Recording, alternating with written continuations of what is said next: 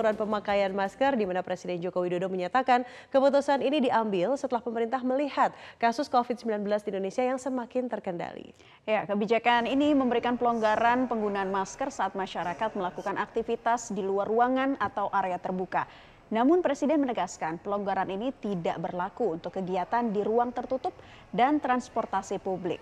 Penggunaan masker juga tetap disarankan bagi masyarakat yang masuk kategori rentan, lansia, atau memiliki komorbid. Selain itu, Presiden juga mengumumkan perubahan aturan perjalanan dalam negeri dan luar negeri. Bagi warga negara yang telah mendapatkan dosis vaksinasi lengkap, tidak perlu lagi melakukan tes PCR maupun antigen sebagai syarat perjalanan memperhatikan kondisi saat ini di mana penanganan pandemi COVID-19 di Indonesia yang semakin terkendali, maka perlu saya menyampaikan beberapa hal. Yang pertama, pemerintah memutuskan untuk melonggarkan kebijakan pemakaian masker. Jika masyarakat sedang beraktivitas di luar ruangan atau di area terbuka yang tidak padat orang, maka diperbolehkan untuk tidak menggunakan masker. Namun, untuk kegiatan di ruangan tertutup dan transportasi publik tetap harus menggunakan masker. Bagi masyarakat yang masuk kategori rentan, lansia, atau memiliki penyakit komorbid, maka saya tetap menyarankan untuk menggunakan masker saat beraktivitas. Tanggapan masyarakat mengenai pelonggaran penggunaan masker beragam. Ya, ada yang menyambut baik kebijakan ini, namun ada pula yang masih ragu untuk melepas masker mereka. Berikut beberapa pendapat warga tentang arahan melepaskan masker.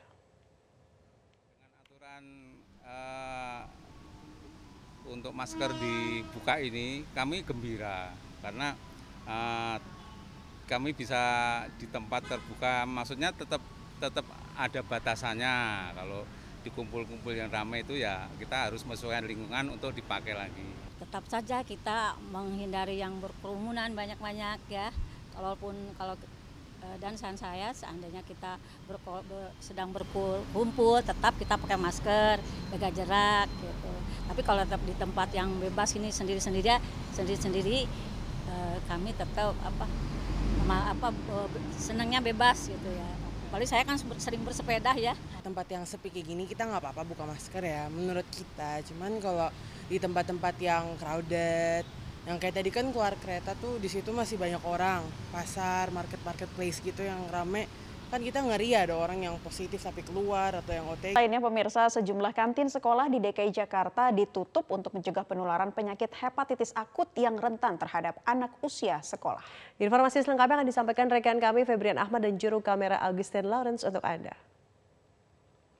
Temuan kasus adanya penyakit hepatitis akut di usia anak ini berakibat dengan semakin diperketatnya aturan protokol kesehatan di sekolah karena dikhawatirkan sekolah bisa menjadi salah satu tempat menularnya dari penyakit hepatitis akut yang sampai dengan saat ini masih belum diketahui apa penyebabnya.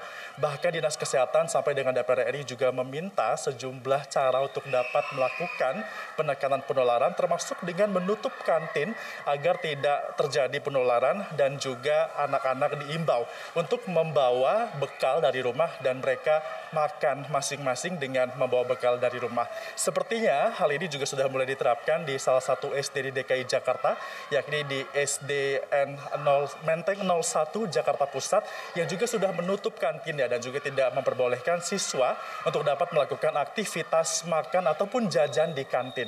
Kita bisa lihat ini sudah ditutup, tidak ada aktivitas, meja dan juga kursi sudah mulai diangkat seperti ini sehingga dilarang bagi siswa untuk dapat berada di area kantin ini.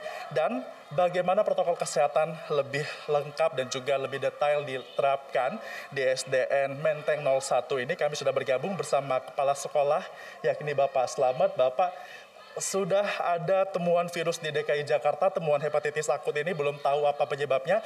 Lantas protokol kesehatan sebagai antisipasi bagaimana Pak dari sekolah? Ya, terima kasih. Tentu sekolah tetap proaktif ya menanggapi uh, wabah ini Jadi protokol kesehatan menjadi prioritas utama kami. Ya, jadi kantin juga sampai saat ini belum dibuka. Anak-anak membawa bekal sendiri dari rumah, baik makanan maupun minuman. Jadi bisa dilihat kantin juga masih dalam kondisi tutup ya. Kami belum mengizinkan sampai uh, ada instruksi yang clear baik dari dinas pendidikan maupun dinas kesehatan. Itu saja. Kemudian Pak keputusan untuk menutup kantin ini apakah ini merupakan instruksi dari dinas terkait baik itu dinas kesehatan atau pendidikan atau ini inisiatif dari sekolah untuk dapat mencegah terjadinya penularan? Uh, memang di masa ppkm sekolah masih menerapkan uh, aturan bahwa kantin belum diizinkan dibuka karena sesuai dengan SKB 4 Menteri. Terima kasih Pak Selamat sudah bergabung bersama kami di Metro TV dan benar tadi yang dikatakan bahwa virus ini sampai dengan saat ini pun masih dalam proses identifikasi dan juga investigasi dilakukan oleh Kementerian Kesehatan sehingga pencegahan lebih baik dilakukan daripada semakin menyerbak ke sejumlah anak dan juga siswa yang ada di Indonesia. Untuk itu, siswa dan juga peserta didik diminta untuk lebih berhati-hati melakukan protokol kesehatan dengan ketat dan juga melakukan aktivitas yang mengurangi adanya perbauran dari anak-anak dan juga ini diharapkan bisa mencegah darinya penularan dari penyakit hepatitis. Gubernur Jawa Barat Ridwan Kamil meninjau pelaksanaan penerimaan peserta didik baru atau PPDB 2022 untuk jenjang pendidikan SMA dan SMK di SMKN 2 Bandung. Menurut Ridwan Kamil, pelaksanaan PPDB tahun ini paling adil secara teknis, aspiratif karena mengakomodir masukan dari bawah, serta paling andal dengan sistem digital yang sudah siap. PPDB tahun ini merupakan penyempurnaan PPDB 2021 dari berbagai segi. Ia berharap PPDB tahun ini melahirkan anak didik yang maju, berkualitas, dan sukses di masa depan. Selain itu dalam pelaksanaan PPDB 2022, tim Sapu Bersih Pungutan Liar atau Saber Pungli Jabar turut dilibatkan untuk memantau jika ada upaya tak bertanggung jawab untuk menyiasati aturan PPDB. Ridwan Kamil pun mengimbau masyarakat tidak selalu menjadikan sekolah negeri sebagai pilihan utama. Pemprov Jabar akan menggelontorkan dana bagi calon siswa yang akan sekolah di negeri dan swasta sebagai bentuk bantuan ekonomi.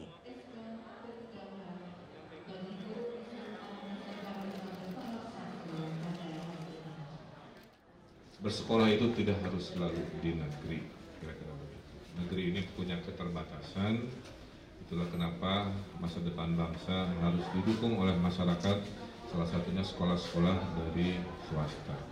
Nah, karenanya Pemprov Jawa Barat memberikan dukungan berupa dana kepada anak-anak Jawa Barat yang sekolah di swasta. Ya, mau mampu tidak mampu, kita uh, berikan dana 700 ribu, yang dulunya 500 ribu sudah kami naikkan, kemudian khusus yang sekolah di swastanya dari keluarga tidak mampu ditambahi lagi. Putar penceramah Abdul Somad yang ditolak atau ditolak masuk maksud hmm. saya atau not to land di Singapura. Ya, Duta Besar Indonesia untuk Singapura Suryo Pratomo menegaskan keputusan not to land ini merupakan hal yang lazim dikeluarkan oleh suatu negara terhadap warga negara asing yang dinilai tidak memenuhi kriteria untuk masuk ke wilayah negara tersebut. Sebelumnya beredar kabar Ustadz Abdul Somad dideportasi oleh imigrasi Singapura. Namun setelah kedutaan besar Indonesia di Singapura mengecek ke pihak imigrasi Singapura, diketahui bahwa Ustadz Abdul Somad tidak memenuhi kriteria warga asing untuk masuk ke Singapura sehingga ditolak izin masuknya. Dubes Suryo Pratomo juga menyatakan alasan penolakan terhadap Abdul Somad merupakan ranah dan kewenangan pihak imigrasi Singapura yang tidak pernah dibuka ke semua warga negara lain, tidak hanya WNI saja.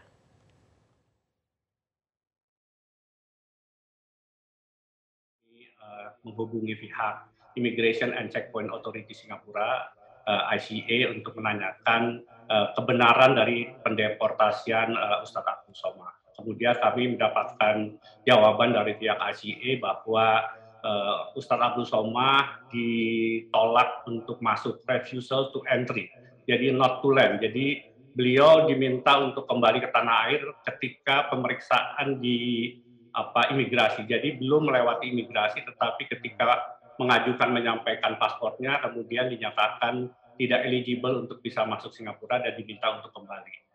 Ada empat. Yang pertama not having a valid passport. Tentunya Ustadz Abu Somah tidak. Yang kedua not having a valid, uh, valid visa. Ini tidak karena kita negara ASEAN jadi bebas visa.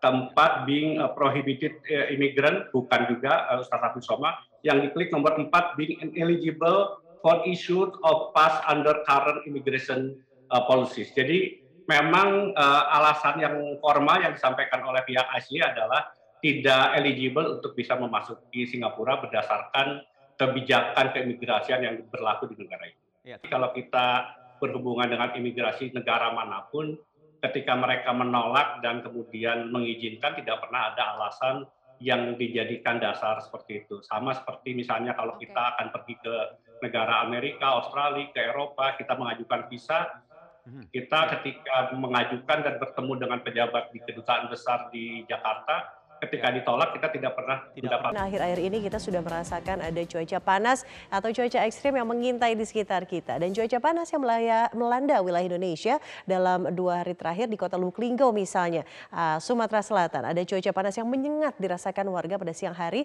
suhu hingga mencapai 34 derajat Celcius, namun terasa seperti 39 derajat Celcius.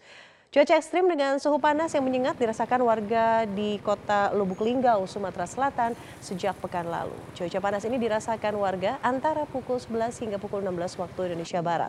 Hal ini tentunya dapat berpengaruh pada kondisi tubuh, terlebih saat beraktivitas di siang hari. Sebagai antisipasinya, agar kondisi tubuh tetap fit dan sehat dalam menghadapi cuaca panas ini, warga pun berusaha untuk memperbanyak vitamin dan minum air putih sebanyak-banyaknya, serta memakai pakaian yang cukup menutupi tubuh dari sengatan matahari.